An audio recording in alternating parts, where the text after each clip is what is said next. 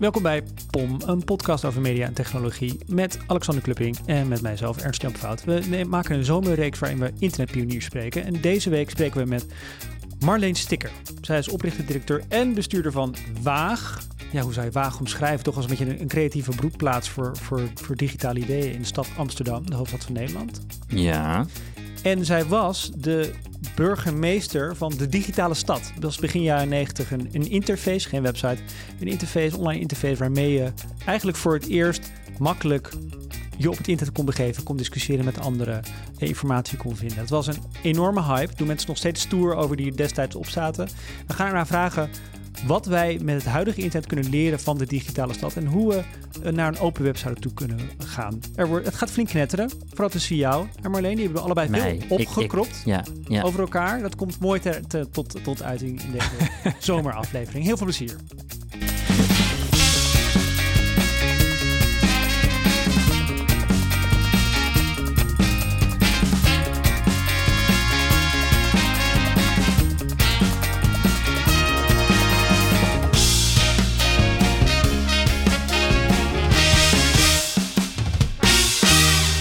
Welkom. Jij bent op een moment in je leven, dat intrigeerde mij heel erg, nachtwaker van het internet geweest. kan je ons daar wat meer over vertellen? Wat moeten we ons daarbij voorstellen? Nachtwaker. Ik weet niet of ik dat zo heb genoemd, maar uh, we hadden net de modembank geïnstalleerd uh, voor de digitale stad. Dat is in januari 1994 in een gebouw waar de deuren nog niet op slot konden. Dus uh, ja, elke nacht moest er iemand uh, op de modems passen. en, uh, en dat heb ik ook een paar keer gedaan. Ja. samen met Philippe Rodriguez. Die was dan ook, die moest dat. We, we, verdeelden zeg maar deze nachtshift. taak, deze nachtshift onder, onderling. Ja. En hoe is het om naast modems te slapen? Nou, gelukkig waren de geluidjes, nou, de geluidjes waren uitgezet, dus dat ja. scheelde. Maar je zag wel die flikkerende lampjes. Ja, ik, voor mij was dat uh, het, een hele fysieke ervaring van het internet. Dus dat, dat, dat, dat, dat, dat het gromt en zoomt en beweegt en, en zich manifesteert. Dus elke keer als er een handshake werd gemaakt, dan hoorde je... Dat was dus niet dat je de hele tijd die geluiden hoorde, maar wel de, de, de, de lichtjes daarvan. Ja. Het was hartstikke druk ook in de nacht. Dat vond ik ook heel erg fascinerend. Dat, dat elke tijdstip er wel mensen bezig waren om connecties te maken. Of de computers handshakes te laten, uh, dat die handshakes aan het maken waren. Ik denk dat weinig mensen dat kunnen zeggen, dat je het internet fysiek beleefd hebt. Ja, ik denk ook dat, dat de, als je nu naar, naar een datacenter gaat, center gaat, dan zie je ook heel veel kasten staan vol met computers en modems en alles wat er nodig is. Maar het is ook klinisch en er zitten deuren voor, je mag er niet in. En uh, ja, in die tijd sliep je gewoon tussen de kabels een beetje. Dus je, het was, je, je werd er, uh, het, was niet allemaal, het was allemaal lekker rommelig. En, en uh, aan elkaar ge, ge, geklikt, zeg maar. Dus dat is een soort, dat, dat, dat fascineert mij nog steeds, met high en low tech. Mm -hmm. En juist die combinatie is altijd heel erg leuk. Als je, als je, als je zeg maar, bijna een, een hamer nodig hebt en iets wat uh, high-tech is. En dat die twee dingen dan samen het probleem oplossen. Dat laten, we, laten we die romantiek vasthouden. Want we hebben het nu over begin jaren 90, de opkomst van de digitale stad. Ik ken de digitale stad. Ik ben, kom uit 86, dus ik was toen echt te jong. Ik ken het vooral van mensen die begin deze eeuw heel tof deden met een dds.nl adres. Een soort van, wij zijn de OG's van het, van het Nederlandse internet. Kan je, kan je eens uitleggen aan al die andere mensen die uh, net zo jong als ik zijn, of nog jonger. Wat, wat, was de, wat was de digitale stad? Ja, je zou misschien moeten zeggen, wat was er voor de digitale stad? Wat, hoe was het, wat, hoe, wat was de manier om het internet te gebruiken voor die tijd? Sinds de jaren tachtig waren er al veel computernetwerken, ook, ook wel echt maar voor sociale bewegingen. GreenNet, HIFNet, PeaceNet, dat waren allemaal computernetwerken tot diep in Afrika en Latijns-Amerika om mensen te informeren over medicatie, over hoe je moet. Wat, wat, wat nu ook nog steeds denken dat relevant is. Mhm. Ehm, maar, uh, en je had dan het ARPANET, meer het militaire netwerk. Zo waren het bulletin board systemen waar je op in kon, in kon bellen.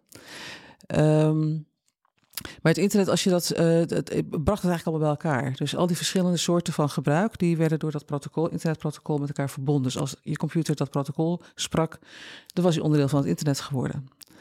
Um, maar als je daar als zeg maar 93 zeg maar, instapt. En het, het is nog een heel stuk daarvoor. Hè, maar voor mij was het dus 1993 of 92, denk ik. eh, zag je een zwart scherm met, een, eh, met zo'n prompt, zeg maar, die, van, die zat er te wachten tot je wat in ging typen. En dan moest je de code scannen waarmee je programma's kon lanceren. Of je moest uh, Unix scannen en ook echt, zeg maar, nog meer, had je nog meer mogelijkheden. En ik begreep zelf ook wel, ik vond het zelf heel erg leuk, dus ik heb dat toen ik, was, zeg maar, ik zag het meteen. Zo heel veel mensen na mij het ook meteen zagen op het moment dat ze begrepen wat de potentie ervan was. Maar heel veel mensen om mij heen niet. Die begrepen er ook echt helemaal niks van. Want die hadden geen zin om Unix te leren. Of die hadden geen zin om Pine in te typen. Of weet je, al dat soort uh, commando's om dan een e-mailprogramma of een Gopher voor een zoekprogramma op te, op te starten. Ja. En daar kwam die digitale stad dus vandaan. Van het idee van we hebben een interface nodig. Een, een toegangspoort of een manier voor, voor om al die verschillende functies die het internet heeft. Om die uh, ja, toch wat eenvoudiger aan te eh, aan te bieden. Zodat mensen, en die metafoor van de digitale stad was dan ook daarvoor gekozen uiteindelijk om die verschillende mogelijkheden uh, wat, wat toegankelijker te maken. Want daarvoor, het was niet dat de digitale stad iets nieuws creëerde. Je kon daarvoor al met elkaar ergens communiceren of sites, uh, sites bezoeken en dergelijke. Het was alleen ingewikkelder. En de digitale stad was in het begin gewoon een soort user interface om het toegankelijker te maken. Om niet, niet alleen de ultieme nerds er gebruik van konden maken, maar ook mensen met iets minder computerkennis. Nou, het was meteen ook wel dat we heel veel nieuwe dingen hebben toegevoegd. Dus allerlei verschillende functies hebben toegevoegd die er nog niet waren. Maar uh, overigens waren dat geen sites. Hè? Dat begrip site komt eigenlijk pas van de websites, van World Wide Web. Dat is, loopt een beetje, uh, rond die tijd was er wel Mosaic, dat was de eerste browser. Maar die kon niet iedereen op zijn, uh, zijn computer gebruiken, want dat was een visuele interface en dat was dus zwaarder. Dus we zaten allemaal toch te klooien met bandbreedte. Het was, mensen zaten toch echt, zo, echt lang te wachten tot er iets binnenkwam, op, ja. iets ging laden. Maar kan je mij eens meenemen dan, of ons naar de digitale stad dat, dat, dat we daar opkwamen in die tijd, in de begintijd. Wat, wat, wat zag ik daar dan? Wat kon ik daar dan doen? Ja, de, de eerste digitale stad was ook een tekstinterface. Dus, een, uh, dus als je dan uh, om opstarten in, inlogt, dan krijg je een, een, een, een overzichtje met... je kan naar het postkantoor, je kan naar de pleinen... je kan naar het café, je kan naar, uh, naar, je, naar het postkantoor. Heb ik die al genoemd? Nee. Ja, nou. Al dat soort verschillende functies. Een bibliotheek uiteraard. En als je daar dan... als je dat dan aan daarop klikte, dan ging je dan of je e-mail bekijken of je ging kletsen met mensen. Of, dus al dat soort functies die zaten erin. Um, maar we hadden ook een aantal projecten uh, dat je samen een hoorspel kon schrijven. Uh, dat je kon bijdragen aan een. Uh, we hebben, het, het was nog geen visuele interface. Hoewel we daar wel mee. De eerste schets was visueel. Want toen zeiden ze dat kan nog niet. Dus we zaten het, we probeerden steeds te, zeg maar, de grenzen te, te, te bevragen van wat dat medium op dat moment kon. In het begin gewoon een witte pagina met tekst erop. Ja, nee, dus de, de, de, zeg maar de, de klassieke. De, het klassieke beeld van, de, van, van, van het internet uit die tijd was gewoon een zwart, meestal een zwart scherm met een witte prompt. Ah, oh, echt. Terminal. Okay. En uh, met de digitale stad zag je dus een, een, een, een menu waar je uit kon kiezen. Uh, maar dat was nog pre-World Wide Web. Hmm. En het interessante vond ik wel dat op het moment dat je van gebruik maakte, op dat moment nog van die, eigenlijk waren een soort telnet-sessies daarmee bewoog je ook echt van computer naar andere computers. Dus je werkte. Dus als je een, een, de bibliotheek van Atlanta wou bezoeken, dan was je ook echt op de, op de server van Atlanta bezig. En dat is iets heel anders waar de World Wide Web was. Dat wordt, is dat er een pagina aan jou geserveerd wordt. Mm-hmm. Dus voor mij was het World Wide Web aan de ene kant een, heel fijn, want heel veel van die, visu, eh, die je kon visuele interfaces maken en visuele projecten uh, creëren. Maar ik vond het ook een teleurstelling, want het idee van spatial, van, van ruimte, van echt van, van je verplaatsen virtueel, dat was verdwenen. Dus je zat gewoon weer thuis op je computer en dan werd je iets geserveerd, een pagina hmm. geserveerd. En het World Wide Web nam, dat, nam eigenlijk het, ook de metafoor over van ja, toch alweer gewoon publiceren en, en, en teksten en pagina's. Dus ik, ik, ik, was in eerste instantie erg teleurgesteld door het World Wide Web.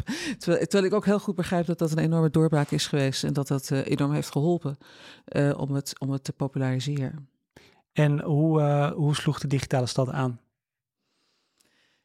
Nou, ik ben, kijk, het was best ook vreemd om zoiets voor te stellen terwijl je het nog niet kan laten zien. Maar dat ben ik wel zelf als een, uh, als een bijzondere gave gaan zien. Dat je dat, je iets kunnen voorstellen, iets denken dat iets mogelijk is, nog voordat je het hebt gemaakt. Dus terwijl je denkt van dit moet kunnen, ben je het aan het bouwen. Dus je Mhm. ziet wel de schaduw die het afwerpt, maar je hebt nog niet het, het concreet gemaakt. En er zijn, zijn dus mensen die op dat idee ingestapt zijn, zonder dat ze precies wisten hoe het eruit zou komen te zien. En, eh, en dat was geld, God voor mij eigenlijk ook. Dus we waren gewoon, terwijl we bezig waren aan het realiseren, zagen we steeds meer dat het, eh, eh, hoe het gestalte kreeg.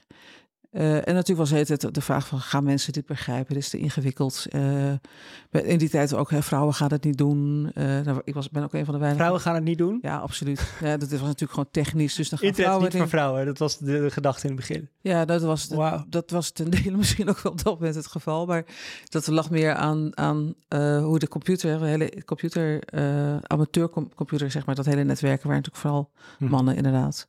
Maar ehm, eigenlijk op het moment dat we het dus eh, vanuit, als, als digitale stad presenteerden, stapte heel, heel gemêleerd gezelschap in. Omdat iedereen wel nieuwsgieriger naar was. En dat was ook groots aangekondigd. De poorten van de digitale stad gingen open. Werd het En dan vooral gebruikt door mensen die zelf ook maakten? Of waren er ook mensen die alleen al aan het consumeren zijn? zijn? Nee, de, kijk, in eerste instantie, je moest natuurlijk een modem hebben. Mhm. En wie heeft een modem? Dat zijn dan toch mensen die of al aan die eh, bulletin board systemen deelnamen, de- de- of ehm computerfanaten of amateurs, eh, of mensen die dat vanuit hun vak of hun werk deden. Mhm. Maar het was wel meteen dat de modems waren uitverkocht in de hele omstreken van, eh, van het 020-gebied. dus het, waar, het het zette ook heel veel mensen aan om dan, dan een modem aan te gaan schaffen voor het eerst eh, in hun leven. Om een computer aan het internet te hangen. Dus het Toch was. om dat beelden te maken, wat, wat gebeurde er dan wat rondzong dat mensen allemaal een modem wilden halen? Was het puur het idee, dit is iets nieuws en dit gaat dingen veranderen? Of was er een heel soort van concrete use case waar mensen, die mensen zelf wilden proberen?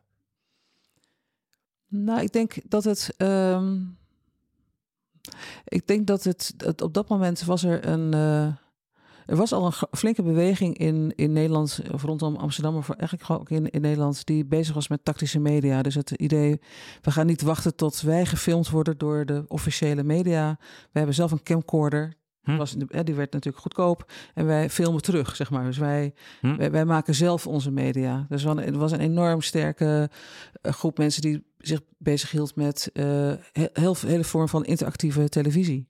Met, eh, op het open kanaal Salto. Met de gekste experimenten live en, en, en met interactie. You name it, zeg maar. Al, het was een één grote speeltuin. Dus echt iedereen die vanuit die kant al aan die speeltuin deelnam, dacht: oké.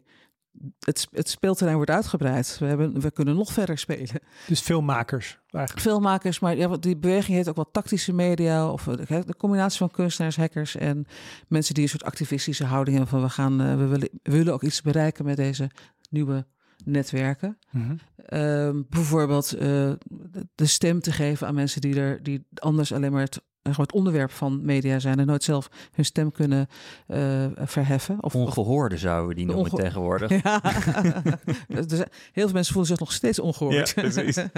Ehm, dus dit, dat was echt al een grote beweging, in, in, eh, zeker hier in Amsterdam. En eh, de, ik ken de radio eh eh, R- R- Robotnik natuurlijk, eh, de- of de Robotnik TV ook. eh Staatstv Robotnik heet een gegeven Zegt nou allemaal niets hoor. Wel een open kanaal. Ik heb ook een, het- heel veel nou, in, de, in de ether, hacker, gewoon dat, eh, gewoon de, FM. ja, gewoon, gewoon, gewoon zelf uitzenden. Ik weet ook- piratenzenders, Ja. maar ook op de officiële kanalen zoals Salto, Radio 100 was er. Daar- Tijdens de, in de jaren 80 heb je natuurlijk ook al die kraakradio's gehad. Ja, Ehm, maar dit was dus een maatschappelijke golf eigenlijk van mensen die zich niet gerepresenteerd voelden door de, me- door de media.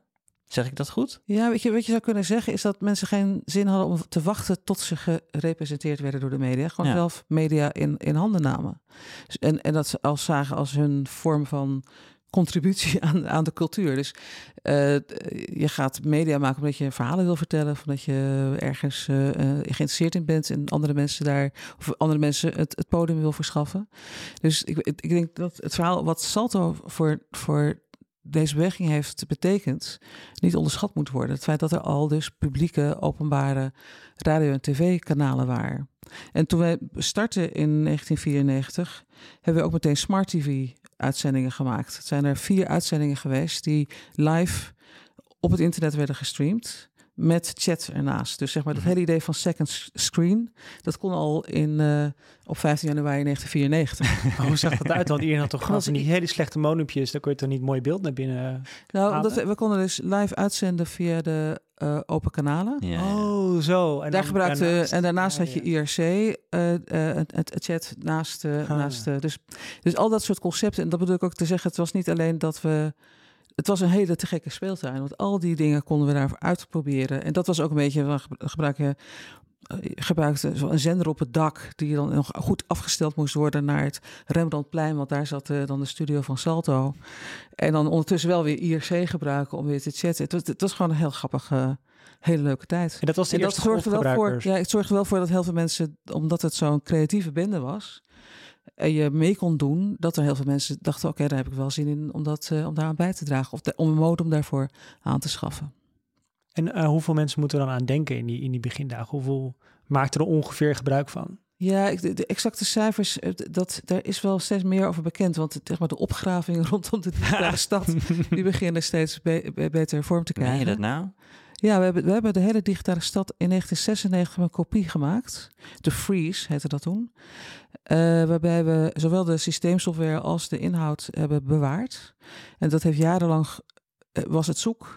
En toen hadden we het gevonden. Hadden Was geen Ja, het was ergens bij iemand. Nee, je, begrijpt het. Ergens waar die tapes terechtgekomen. Toen moesten we Tapes.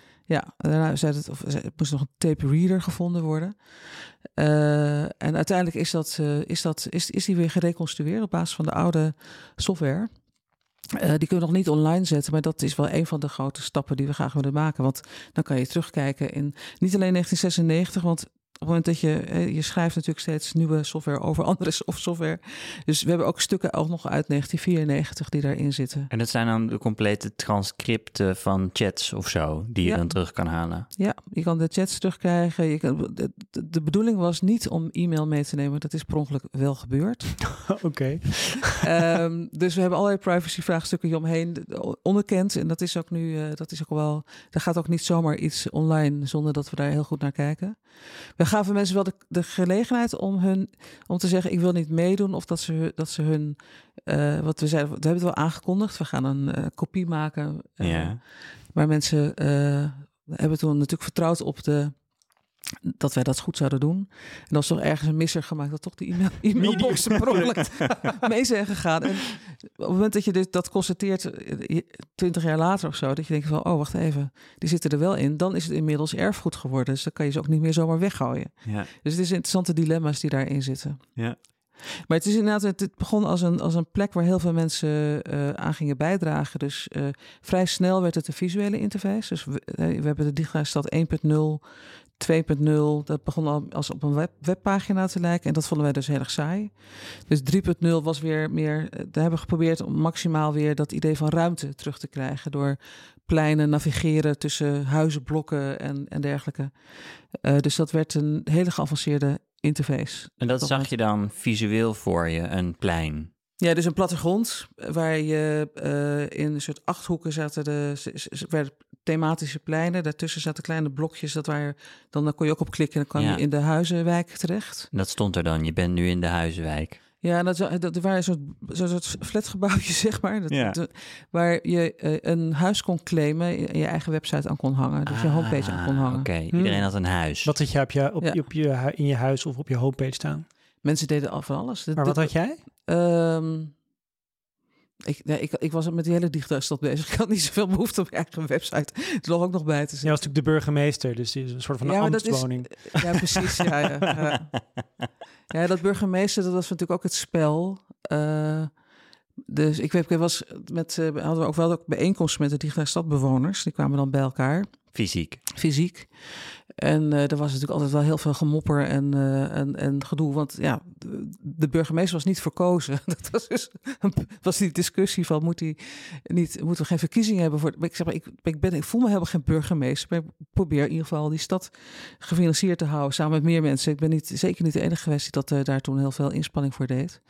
Maar dan zei de, de, de systeembeheerder Michael, die zegt van ja, als ik, de, als ik de stekker eruit trek, dan is er geen digitale stad. Dus wie heeft hier nou eigenlijk macht? Dus dat soort gesprekken waren ook wel van, aan de orde van wie heeft het nou eigenlijk voor het zeggen? Moet dit een democratisch gerunde stad zijn met basisdemocratie? Of is het toch gewoon een project in een stichting en er is iemand verantwoordelijk voor de continuïteit. Dus al die gesprekken waren best complex ook. En was het toen een, een hobby voor mensen of ging het voor sommige mensen ook echt heel ver op dat moment al? Nou, voor de digitale stad, de mensen die daar aan werkten, die, dat was ook hun inkomen. Oh. Dus het is een, uh, nou, niet voor iedereen overigens. Dus een heel groot deel die bij betrokken. In het begin hadden we allerlei discussiegroepen. Uh, dat waren zeg maar op basis van Usenet, maar dan wel met een DDS-structuur. Dus DDS.multiculti bijvoorbeeld. Dat was wel een hele. Ga je het hebben over de multiculturele samenleving? In de browser. Dit was een forum in de browser. Uh, ja, eerst gewoon, e-, e-, eerst gewoon als... Uh, als nieuwsgroepen. als nieuwsgroepen, zoals je die al, ook gewoon op met een zwart-wit, zeg maar. Gewoon ja. de telnet. Maar vrij snel hebben we dus dat allemaal doorgezet ook op in, in webpagina's. Ja.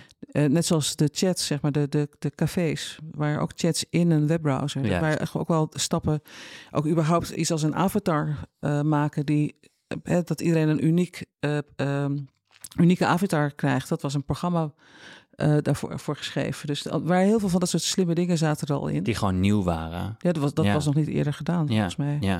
Ik denk dat er heel veel, dat, dat, zou ik nog steeds ook wel leuk vinden om te kijken van waar, wat zijn er allemaal nieuwe concepten geweest die uit die grote speelplaats is gekomen. Ja, want waar, eh, zoiets als een avatar, dat, dat, was, dat was daadwerkelijk een plaatje wat mensen konden... Ja, Dodo werd hij genoemd, van DDS. Het werd, dus dat werd de mm Dodo, maar dat was een, um, het is een, um, ja, elk, elk plaatje had een, je krijgt een soort een uniek gegenereerd plaatje met andere ah, oortjes, andere neus en andere ogen, andere uh, haren op je hoofd. En, en... Dus iedereen kreeg een eigen, een eigen dodo waarmee je jezelf. Je kon het ook wel vervangen door een eigen plaatje als je dat wou. Maar jou, jouw aanwezigheid, je, je was een DDS-bewoner, een digitale stadbewoner. Dus je had ook je eigen homepage, je had daarmee toegang tot de cafés. Dus je kon vanuit, vanuit dat, die identiteit die je daar had, deelnemen aan al die verschillende dingen. Als je in het begin dagen in de, in de echte, de fysieke stad rondliep en je ging in een willekeurig café in en je, komt iemand, je kwam iemand tegen, je raakte mee aan de praat en je kwam er allebei achter dat je ook bewoner was van de digitale stad. Voelde het dan alsof je een soort verbond had of zo? Ja, ik denk ook wel dat dat uh, er was ook wel ook dat veel vaak juist van die fysieke bijeenkomsten belegden, omdat mensen het ook leuk vonden om elkaar te zien. Ik weet ook, Michael van Ede, die was, even, het was al heel vroeg bij de Digitale Stad terechtgekomen. In die tijd was er nog, um, was er nog uh, militaire dienst. En als je niet in militaire dienst wou, dan moest je iets anders gaan doen wat maatschappelijk verantwoord was. Oh. En daar, Erik Huizer is om die reden bij Surfnet terechtgekomen. Ik weet niet of dat, uh, dat is, dat, dat Surfnet had Erik Huizer die uh, Gaan we, heel belangrijk, uh, ja, die heel belangrijk is in, in het hele verhaal. En Michael van Ede die ging, zijn, ging bij ons aan de slag. En daarna is hij gebleven, gelukkig. Maar hij begon ook de metro. De, dus we hadden al vrij snel de metro in de digitale stad. En dat was een, uh, een, uh, een MOE, een, een multi-user object-oriented game. Okay. Tekstgebaseerd. Ik weet niet of die wel eens hebben gezien. Nee. Dat is ook fascinerend. Dat, is een, dat bestaat nog steeds overigens. Dus de, de, ik geloof dat Michael is daar een soort god wizard. Dus af en toe de logt hij nog eens in en dan staat in ieder geval van hij, hij leeft. maar, um, maar dit is zo'n tekst, tekstgebaseerd spelletje. Spel, dus dat ja. je, je kijkt naar rechts, je ziet een kasteel. Ja, precies. Zo. Of je, en je kan, een, je, kan ook, uh, je kan ook verschillende dingen programmeren. Bijvoorbeeld een kat. En die komt dan altijd achter jou aan en dan Ja. zegt hij wauw. Uh, maar dus, dus, het, is- dus, dus, dus het, het is een soort manier om... Je, je kan ruimtes creëren, maar je kan ook karakters, eh, eh, Mhm. interacties creëren. En het is een soort eh, levend boek eigenlijk, als je het, zo kan je het ook zien. Maar die, die metro, dat, dat, dat had weer, trok weer zijn eigen publiek. En daar is een keer ook een feestje in Paradiso voor georganiseerd. En dat was heel onwennig. Hoezo trok de metro... hadden een beetje moeite hadden ze- ze om zichzelf, ja, plotseling in het, toch in het licht, zeg maar, in, de, in, de, in, de, in een, Ja, letterlijk. letterlijk in het licht eh, te stappen. Maar en hoezo elkaar had de eh, metro een ander publiek? nou, omdat ehm, je zou kunnen zeggen, al die verschillende onderdelen van de digitale stad had ander publiek. Eh, en voor de metro was het eh, eh, toch wat meer nerdy, zeg maar, omdat je ook kon programmeren. Dat vonden mensen heel erg leuk om daar aan de- bij, Ja, bij te dragen. Ehm, het was nog meer het scheppen van je eigen, eigen ruimte daarbinnen. Eh, dus dat trok ja, toch weer net ander type. Er waren mensen die kwamen juist pas binnen toen het visueel werd. En, en de moe was, de, de metro was natuurlijk helemaal tekstgebaseerd. Maakt Dus- het je nou melancholisch? Want dit is natuurlijk iets... je- Nee, ik, zolang als we nu daarover praten, heb ik in geen tijden gedaan. Ja? Ja, ja dus echt, de, de, de- we zijn natuurlijk wel net, al- de digitale stad is net tot, ver, ver- tot UNESCO Werelderfgoed verklaard. Dus dat, was, dat is sowieso wel heel erg interessant. Dat Ja. als eerste digitale eh, immateriële erfgoed op de werelderfgoedlijst. Ja, dan realiseer je wel dat, dat het wel heel te gek is dat we een stuk hebben bewaard ervan. Omdat het bijna niet uit te leggen is wat het was. Je, je, echt al die functies die we daarbij bij elkaar hadden. En waar eh, kan je nu allemaal afzonderlijk op alle mogelijke manieren zien. Dus je hebt honderden manieren om eh, te kletsen met mensen. Je hebt eh, allerlei manieren om websites en thematisch en zoekmachines en de hele handel. Maar in de digitale stad kwam dat allemaal nog bij elkaar. En zie je het een soort integraal. Het soort in, het worden, dat is ook heel logisch dat het uiteindelijk allemaal aparte diensten zijn geworden Mhm. die in zichzelf allemaal geprofessionaliseerd zijn. Helaas, helaas zijn ze allemaal in, in die platform terechtgekomen, wat natuurlijk onze bedoeling nooit is geweest. Maar ehm, nou ja, wat, ik, wat, ik, wat ik misschien melancholisch vind, is dat die, dat die samenwerking, die, die creativiteit zo te gek was. Dus heel veel mensen elkaar voor het eerst ontmoeten. Je hebt in 1993 Hacking at the End of the Universe. Dat is een van de, een van de, een van de raarste bijeenkomsten ooit geweest. Nu is het, eh, daarna werd het wel normaal dat je hackers in tentjes op. Maar dit was het. Dat er was zijn een, festivals waar hackers bij elkaar komen. Nog ja, steeds. het gebeurt nog steeds. En, deze, deze Hacking at the End of the Universe is elke drie of vier jaar is er zo'n heel groot evenement. Maar op dat moment was het dat je de, zeg maar, de hackers community die kwam samen met meer de academische mensen of de NGO's die bezig waren, Antenna Netwerk bijvoorbeeld, Eh, met weer de kunstenaars die bezig waren met, eh, met zelf, eh, zelf media maken en, en dus in die mix was gewoon echt waanzinnig leuk. En nu is toch alles, voor, voor, voor mij binnen de wagen heb ik het gevoel dat we dat nog steeds hebben behouden. Die verschillende stromingen bij elkaar. Maar over het algemeen is het alles toch weer heel erg uit elkaar gegaan. Je hebt, daar heb je de kunstenaars, daar heb je de techneuten en daar heb je dan de sociale bewegingen. En dat vind ik jammer. Ik vond dat echt heel erg leuk daaraan. En hoe werd het gefinancierd? Nou, we hebben ehm, to- toen ik met dat plan rondliep om, eh, om, om die digitale stad te maken, ben ik een plan geschreven waarvan ik ook niet precies wist wat het zou gaan worden. En daar heeft toen de gemeente Amsterdam eh, wat aan bijgedragen. En ik was toen bij de Bali ook werkzaam en zij konden mij toen een ingang verschaffen bij het ministerie van Economische Zaken en Binnenlandse Zaken. Dus die hebben allemaal het eerste jaar wat bijgedragen. En toen hebben ze nog één keer wat bijgedragen. En daarna zei ze, ja, nu moet de markt het maar doen. Dus het is eigenlijk is maar anderhalf jaar is er financiering gekomen vanuit subsidie. En toen was er daadwerkelijk markt. Nou, ja, dat, dat was echt het probleem. Daarna, dat was natuurlijk, de, de- wat de digitale stad deed, was geen markt, dat was publiek domein. Ja. En het probleem in de jaren negentig is natuurlijk dat op het moment dat je zegt van dit is een, een nieuw publiek domein waar je ook zorg voor moet dragen, eh, maatschappelijk, ehm, werd eigenlijk door de politiek alles tot markt verklaard. Ook eh, energie en ook openbaar vervoer. En ook, eh, dus dus het, is, het kwam precies op het moment dat alles werd geprivatiseerd. Mhm. Dus het laatste waar ze zin in hadden om te zeggen, oh, we omarmen het, het publieke domein van het internet. Mhm. Terwijl we dat wel steeds zeiden, je, dit, moet niet al, dit, dit moet je niet aan marktpartijen overlaten. Juist. Maar toch dachten wij van, nou, dat kan de markt wel. Ja, natuurlijk, je had eh, World Online met Nina Brink. En je had Maurice de Hond, die een soort van digitale stad met commercieel geld aan het maken was. Dus waar heel veel, die, die, die gold rush was al begonnen. Hm. Ehm, maar het was, waren allemaal in mijn ogen vrij, vrij eh, eh, ja, platgeslagen eh, concepten. Dus de, niet, niet zo comp- niet, niet, maar niet, niet met die rijkwijde die de digitale stad had. Maar wij zaten op een gegeven moment dus ook, moesten op een gegeven moment ook kiezen voor dan die, die hele community en die creatieve kant in stand te houden door diensten te gaan leveren aan, eh, aan derde partijen. Oké, dat gebeurde. Dat gebeurde. Ja, dus op een gegeven moment is, er, is het de jaar daarna is, eh, was het, eh, het voor, voor beroeps- en volwassenen educatie voor het Europees Parlement, voor de gemeente Amsterdam, voor, voor Jan Alleman ging die stad sites bouwen en onderhouden. Huh. Ehm, Als een soort woningbouwcorporatie. Ja, precies. Ja, want uiteindelijk werd dat dan toch uh, geeft die, die kennis moest natuurlijk eerst nog opbouwen in al die organisaties. Ja. En er waren nog niet zo heel veel webhostingpartijen. Uh, Exfol was natuurlijk natuurlijk uiteraard. Um, maar ja, en Digitale Stad, Digitale Stad heeft daar heel lang op doorgedraaid. Op het, op het verlenen van, van dit soort zeg maar, meer full service uh, internetdiensten. Maar, maar het stuk wat, wat, die, wat Digitale Stad bewoners was en het project waar het eigenlijk om begonnen was, dat was al heel snel, uh, kon eigenlijk niet voortgezet worden, omdat daar geen financiering voor kwam. Dus het was eigenlijk anderhalf jaar publiek domein en daarna, daarna begon die marktwerking, de digitale stad en het internet als geheel al parten te spelen. Dat het een, een gold rush werd. Ja, en uiteindelijk nu met de platformen zitten die we allemaal kennen. Ja, dat, en dat had niet gehoeven. Dat, dat, is, dat is het pijnlijke aan het hele verhaal. Voor heel, weinig, voor, voor heel weinig investering had je een digitaal publiek domein kunnen behouden.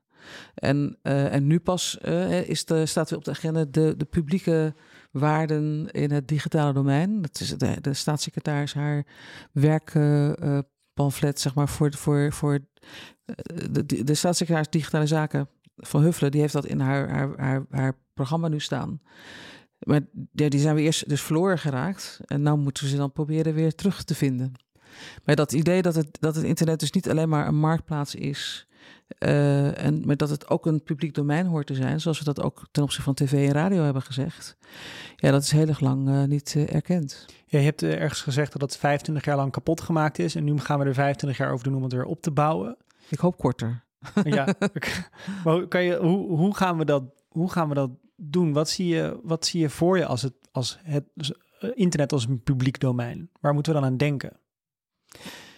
Um, nou, inmiddels heb je, we hebben de, um, de, de coalitie rondom dit idee is Public Spaces. Dat is een grote coalitie van culturele organisaties, omroepen, maar inmiddels ook uh, steden of dorpen, gemeentes, zeg maar, uh, maatschappelijke organisaties, eigenlijk uh, ook onderwijsinstellingen, die eigenlijk allemaal wel het, eigenlijk achter hetzelfde idee staan van we hebben publieke ruimte nodig waar je niet vanuit een, een, een aandeelhoudersbelang gemanipuleerd wordt of waar je, waar, je data, waar je als persoon niet gerespecteerd wordt.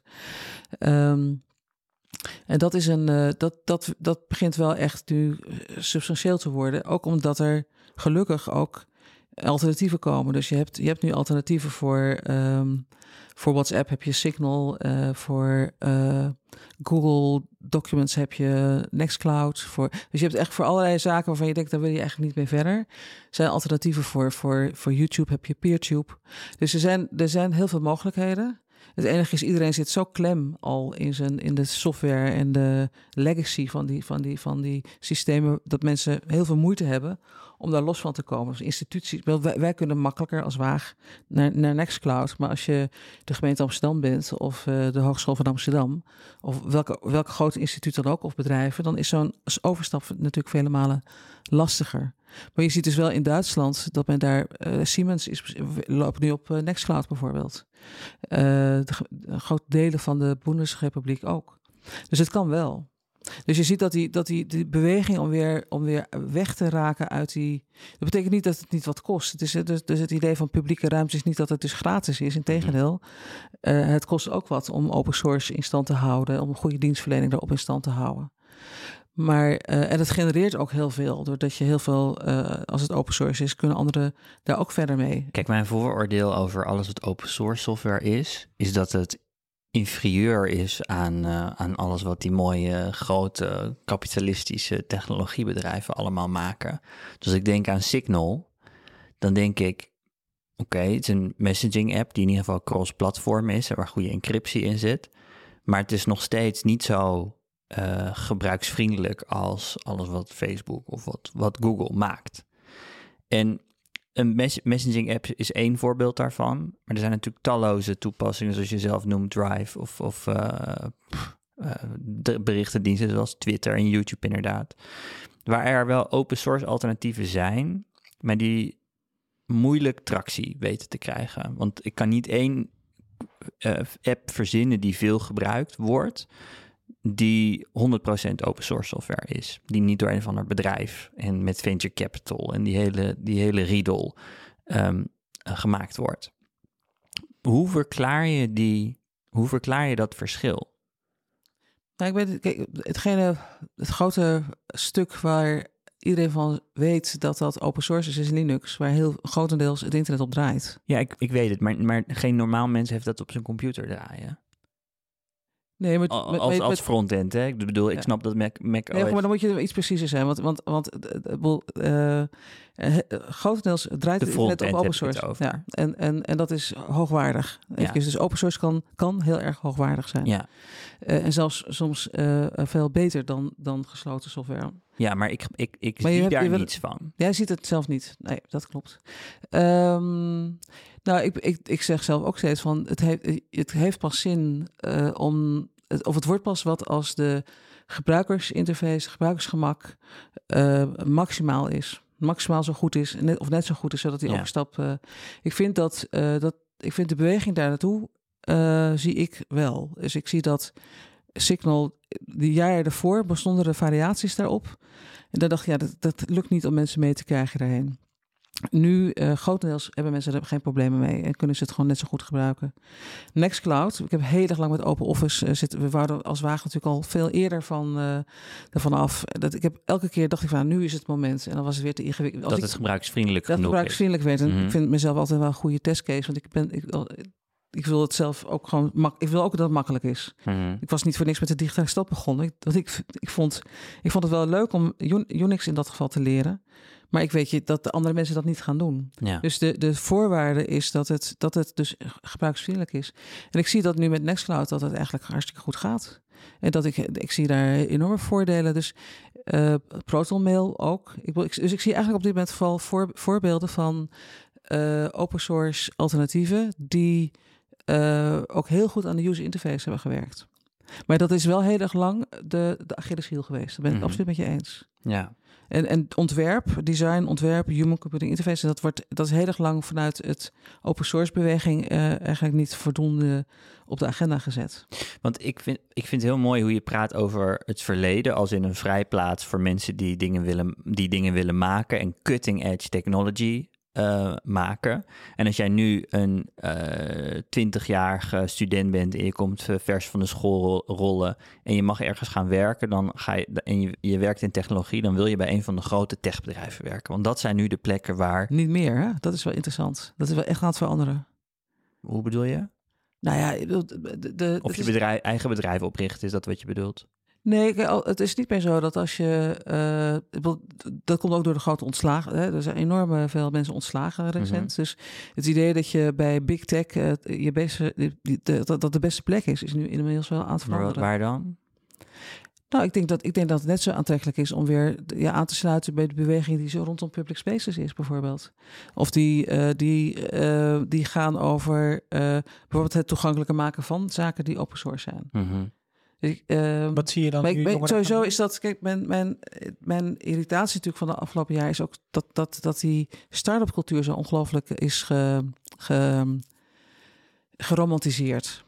Mhm. Eh, en, eh, en dat dat het vrije ondernemerschap is. En, en dat het bl- heel vaak blijkt dat mensen dus uiteindelijk voor die aandeelhouders aan het werk zijn. En helemaal geen vrije ondernemers zijn. Dus eh, met in, zeg maar, bijna in, met al hun je- jeugdige enthousiasme eh, eh, er in een verhaal stappen waar ze zelf hun controle kwijtraken Mhm. omdat ze de kwartaalcijfers niet halen of de, de doelstelling niet halen. Dus het, het- ik, ik, zie ziet ook wel een backlash van, van die, zeg maar, die romantische cultuur van de start-up.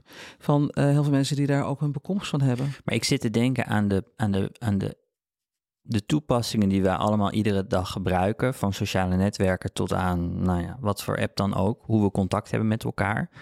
Jij hebt gezien hoe dat kan met een eh, groep mensen die eigenlijk, nou ja, redelijk belangeloos lijkt het. In ieder geval belangeloos van aandeelhoudersbelangen. ehm, werken voor de publieke zaak. En dan heb je nu eh, mensen die eh, nog steeds dat doen, maar toch, alle apps die wij iedere dag gebruiken zijn niet gemaakt door die mensen. Dat zijn, dat zijn, bedrijven, dat zijn bedrijven die dit soort innovaties maken. En ik kan me zo voorstellen, als jij kijkt naar bijvoorbeeld het conflict wat al, al een tijd gaande is rondom Twitter, dat jij denkt, er zijn talloze gedecentraliseerde eh, oplossingen. Eh, hoezo gebruiken we dat niet? En dan komt eh, Meta met, met threads en is daar opeens veel enthousiasme over. En ik kan me voorstellen dat jij daar naar kijkt en denkt, god, hebben we weer twee, twee fucking miljardairs eh, waar dan de strijd zogenaamd tussen gaat. Terwijl er zo'n fantastisch eh, soort van third way is. Zo'n mooi alternatief. Mastodon, Blue Sky, dat soort dingen. Ja, Activity Pub, zeg maar, de, de, de, Precies. het protocol onder, onder Mastodon. Ja. Precies. En toch is het dan in de, in de publieke belangstelling gaat het dan voornamelijk over die bedrijven van die miljardairs. Mijn aanname daarover is dat dat beter gemaakte apps zijn. Dat de user interfaces beter in elkaar zitten. Dat de techniek simpeler is om te gebruiken. Dat de distributie beter geregeld is. Dat er dus inherent iets zit aan de manier waarop die bedrijven georganiseerd zijn. Dat er daadwerkelijk betere apps zijn. Op een oppervlakkig niveau. Op het niveau van user interface. Ja. Nou, kun je Nou ja, oppervlakkig ik- ik- noemen, het, het lastige is, als, je- als je kwaliteit definieert als gemak, gemaksgebruik, zeg maar. van de dingen, ja. Als je het kwaliteit als in de zin dat het niet zo lekker als een mandje is en allerlei dingen van jou jat eh, die, die ze helemaal niet zouden mogen hebben, dan zijn dat, zijn dat hele nare apps. Ja. Dan, zou- dan zijn al die apps die uit die hoek komt, kan je echt niet vertrouwen. Mhm. En dat is wel degelijk ook gaande. Het is Ja. niet, het is dus dat je dat je het lijkt alsof je een ehm, het de, de levensmiddelenindustrie, zeg maar, die geeft ook steeds aan eh, mooie pak. eh, ziet er prachtig uit, heel lekker. Maar ja, het is allemaal wel suikers en vetten die niet goed voor je zijn. ja, snap ik. Dus- en dus toch dat zijn we dit allemaal aan het consumeren. Ja, nee, En- maar dat, dat, ik wil zeggen dat, dat, dat, dat, er, dat, het, dat er heel veel mensen eh, vallen daarvoor. Of het, het ingewikkeld vinden dat al die andere problemen er ook zijn. Maar toch graag mee willen doen. Hun Instagram-account niet opzeggen. dat is ongelooflijk begrijpelijk. Want ook in de voedselindustrie hebben we gegeven met elkaar afgesproken dat bepaalde dingen niet kunnen. En dat hebben we in het digitale domein nog steeds niet op orde. Dus ik vind ook niet dat in- individueel mensen voortdurend afweging moeten maken waarom ze wel of niet met iets in Alsof je zelf in een supermarkt staat en dan 80% is eigenlijk niet goed voor je. Eh, en dan ga je ervan uit dat mensen die 20% wel zullen gaan kopen. Nee, je moet zorgen dat 100% in die, in die, in die supermarkt eh, onderhevig is aan de regels die wij aan de markt opleggen. ja. Dus het is En dat geen is- daar is het- consumentenvraagstuk, maar een wetgevingsvraagstuk. Dus we- dit, is- dit, is, dit gaat over hoe, hoe reguleer je. En dat, dat, er is niet gereguleerd, waardoor dit soort bedrijven. bijvoorbeeld Het, het, het- ik heb niks op tegen dat je een lekkere snappy app hebt of zo. Dat het kan me echt. Ik Ik, vind het niet erg als mensen dat allemaal gaan gebruiken. Weet je, dat, dat doe het. Maar wij moeten wel garanderen vanuit eh, onze rechtsstaat dat ze niet hun identiteit kwijt zijn of dat ze gemanipuleerd worden. Mijn- Daar gaat het mee om. Dus ik, vind, ik, vind ook, ik vind ook het, de- de- en ik ben een beetje, ik ga me ook niet dat alles per se open source moet. Ik denk dat het in veel gevallen kan helpen om transparant te zijn. Eh, en, en te zorgen dat er eh, accountability is. Dat, dat je kunt navragen dat je, of dat nou een third party is of dat ik dat zelf kan zou kunnen. Van hoe, hoe zit het in elkaar? Wat gebeurt hier eigenlijk achter de schermen? Dat, daarvoor wil je open source. Hm. Niet, niet omwille van dat het in zichzelf hoger is of van hogere betekenis is. Mhm. Nou ja, en natuurlijk de motivaties erachter. Want de, om- omdat ik oppervlakkig zei over Instagram, het ziet er aan of threads aan de voorkant heel mooi uit. Het werkt ook goed. In die zin is het superieur. Alleen de incentives erachter zijn natuurlijk niet om ervoor te zorgen dat wij zo goed mogelijk contact met elkaar hebben, maar dat we op zo'n manier contact hebben dat er zoveel mogelijk van ons data verkocht worden en er geld ook worden verdiend.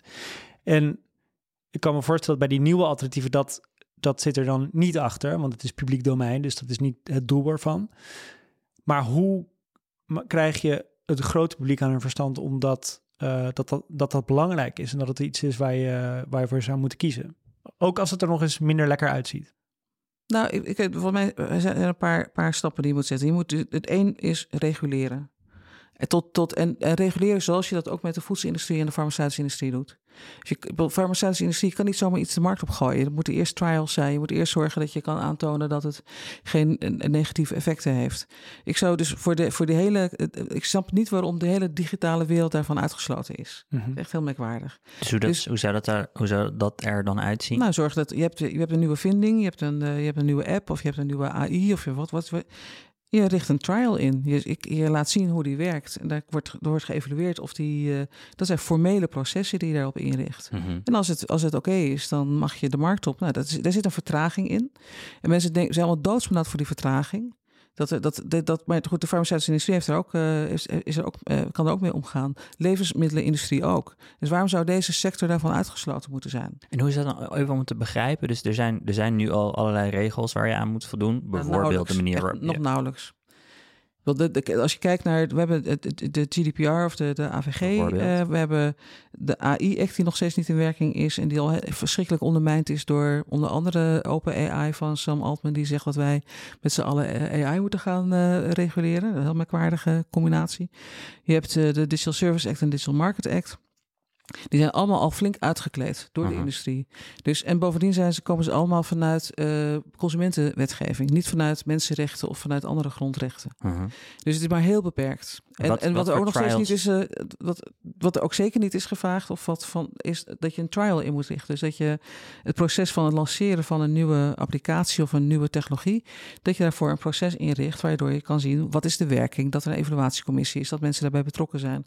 Voordat je bijvoorbeeld wat je nu hebt, eh, die, die AI al in je, in je Instagram volgens mij hebt, of het, dat, al, dat het al Mhm. in, in de applicaties zit. Wat is dat dan voor trial die je zou willen zien? Noem maar bijvoorbeeld, stel Instagram zou inderdaad een, of WhatsApp zou een AI-chatbot inbouwen, een agent waarmee je kan praten. Wat voor trial zie je dan voor je? Nou, trial is dat je dat je zegt van we willen met een groep mensen kijken wat dat voor effect heeft. Dan moet je ook laten zien wat aan de achterkant gebeurt. Het is ook heel raar dat dat, dat, dat, dat- Dan moet je ook laten zien hoe, welke data je hebt gebruikt. Waar, heb je, wel- waar, op, eh, waar is de AI op getraind, bijvoorbeeld? Mhm. Welke datasets is hij getraind? Mhm. Dat soort vragen kun je dan stellen. Dus al, en, en nu, nu gaan we steeds, als, als er is, gaan we nog een club, mag er nog iemand iets over vinden. Maar je moet het in het ontwerpproces zelf meenemen. Mhm. Maar ik, dus, dus ik, vind, ik denk dat je echt nog veel meer moet doen aan het reguleren en het, en het organiseren van een goede, van een goede markt, laten we zo zeggen. Dat, je, dat, je, dat die markt volwassen wordt met zijn checks en balances erin. En niet pas eh, als we allemaal overrompeld zijn. Dat was stap 1 in een opsomming die je aan het maken Ja. was. En het pak, het eh, stap twee is dat je eh, investeert in, eh, in de publieke kant ervan. En, ehm, en daar, dat, dat, kan investeren, dat kan je vanuit publieke financiering doen. Dat kunnen ook bedrijven doen die dat doen. En gelukkig vinden bedrijven het ook steeds interessanter om meer op commons-basis eh, zich te organiseren. Ehm, daar, daar heeft natuurlijk, als je zegt van ze hebben niet, ze, ze kunnen, daar zit een, een, nog steeds een, ook een tekort aan mensen aan user, user interfaces. Ja, dat is ook omdat in, in dat domein gewoon minder geld omgaat. Mhm. Dus op het moment dat je dat goed, eh goed. Ik weet dat van de, van de, de, de UK, die hebben op een gegeven moment besloten om al hun servers eh, van, eh, van, de, van, van, hun- van, de, van de websites die de overheid daar biedt, om die allemaal open, te open sourcen. Maar wel een duidelijke user interface. Eh, alles wordt ontworpen vanuit user interaction. Mhm. Ehm, waardoor het heel voorspelbaar wordt. Dus alle diensten zijn dus vanuit, die, vanuit dat idee ontworpen. Eh, ze hebben zichzelf verschrikkelijk veel geld, eh, miljarden bespaard. Omdat ze dat eerst allemaal op allerlei verschillende partijen aan hun aanbieden. Nu kunnen zij gewoon eh, om de paar jaar kunnen zeggen... nou, wie wil het voor ons onderhouden en verder ontwikkelen? Er, kunnen, komen dus ook hele andere bedrijven kunnen dan ook instappen. Dus ze hebben daar echt gewoon een, dat, dat strikt door, doorgezet. Maar vanuit, precies wat jij ook steeds zegt... vanuit gebruikersgemak. Eh, en, dat, en daar is is het natuurlijk is het inderdaad absoluut het grote probleem. Van als je dat niet vanuit dat perspectief maakt, Mhm. dan, dan is, het, dan is, dan is de, de, de learning curve zeg maar te stijl voor mensen. Dus denk ik, dat- denk dat daar echt nog ongelooflijk veel te halen is. Ja, en denk je dat de moderne innova innovators in, in, dit, in, dit, in dit scenario, waarin er meer geld is voor dit soort ehm, projecten, waarvan jij zegt dit zou onderdeel moeten zijn van het publieke domein, in plaats van dat dat aan Saudi's geld, eh, door Saudi's geld gefinancierd is. Kun je, kun je een situatie voorstellen waarin die innovators, die mensen die die slimme dingen verzinnen om iets gebruiksvriendelijk bijvoorbeeld te maken, dat die dan weer, nou ja, losgeweekt kunnen worden van die grote bedrijven om daadwerkelijk, weet ik veel, een Uber, een lokale Uber-kloon te maken in de stad die, die, die van de stad is in plaats van van, Saudi- van Saudi-Arabië. Oké, de, de, de wens van, van taxichauffeurs, maar ook van, eh, van eh, bezorg, bezorgers, zeg maar, Mhm. is om veel meer vanuit die koops te gaan werken dan, dan lid, onderdeel te zijn van die, van die machine Ja, van Uber natuurlijk. en dergelijke. Ehm, er is ook veel software, er zijn veel plekken waar dat, eh, waar dat al gemaakt is. Dus de plekken waar dat al gebruikt kan worden. Doordat het open software is, kan je dat ook hier gaan gebruiken. Maar de, de, de, de, de, de financiering vinden om zo'n pilot op te zetten is gewoon verdomd moeilijk. Ja, Dus het is makkelijker om venture capital te vinden voor eh, een, een start-up die zegt die met AI whatever gaat doen. Maakt Ja. niet eens uit wat. dan eh, dat je zegt: nee, deze, deze groep eh, ri- riders of eh, taxichauffeurs willen met elkaar een koop organiseren. En kunnen we eh, financiering vinden om die software Nou, gewoon en- te krijgen? Ja, en moeten dus gebruiksvriendelijke software maken. En moeten genoeg riders hebben waardoor je een groot netwerk hebt, waardoor je als consument inderdaad snel een taxi voor je deur hebt. Maar dat, is, dat is op andere plekken al gebleken. Hè? Dus als, als er keuze is, dan... eh sommige mensen doen beide uiteraard, dat kan ook. Mhm. Maar d- er is ongelooflijk veel behoefte bij, de, bij die, zeg maar, degene, de- die ZZP'ers... om eh, los te komen van Ja, die, eh, van die schema's Natuurlijk. die opgelegd worden door Uber. Maar ik zit gewoon te denken, ik vind het wel een mooi voorbeeld. Uber, dat is natuurlijk ontstaan uit vastgelopen regelzucht en weinig, ja, weinig innovatie. Een sector die twintig jaar lang stil heeft ge- gestaan als het gaat over gebruiksgemak. Ik denk dat we dat wel kunnen constateren, toch? Ik kan mij nog herinneren dat ik een telefoonnummer moest bellen en dan moest vertellen waar ik was. En dan keek ze wel even wanneer er een chauffeur naar me toe kwam. 026 en dan 7, 6 keer een 7 geloof ik was het. Ik bedoel, ik vind het een mooi voorbeeld en het is niet ik gebruik groot- geen Uber, dus het ik, eh, ik, eh, ik bel gewoon een taxi. Ja, het is niet het heel probleem in de aan. wereld, maar het is een, het is een voorbeeld van iets wat...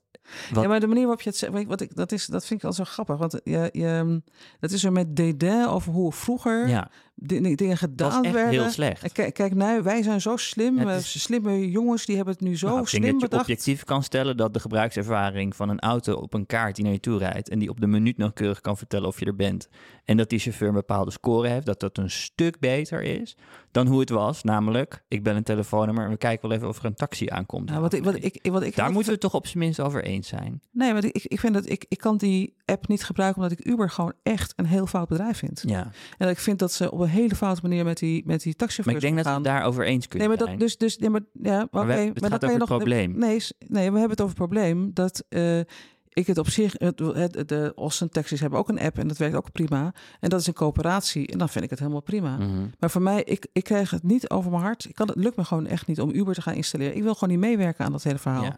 Met name, en dat is natuurlijk ook, ik weet niet hoeveel miljarden inmiddels verlies dat dat, dat hele bedrijf leidt. Ze zijn alleen maar bezig zijn met monopolievorming en, en machtsposities aan het opbouwen zijn met Saudi-Arabisch oliekapitaal. Ik weet het. Dus en ik- ik ben dus- het hier maar- ook niet mee eens. Ik vind het ook verschrikkelijk. Ja, maar dus, dus waar het mij om gaat, is dat je dat, dat van ja, maar ze zijn zo goed en zo. zo ja, dat- ze stoppen er miljarden in en daarom kunnen zij een aantal dingen doen. Maar ik, ik wil mijn energie en mijn tijd gewoon besteden aan iets wat. Dus eh, wij, wij zijn eh, betrokken bij die riders die eh, Mhm. zelf.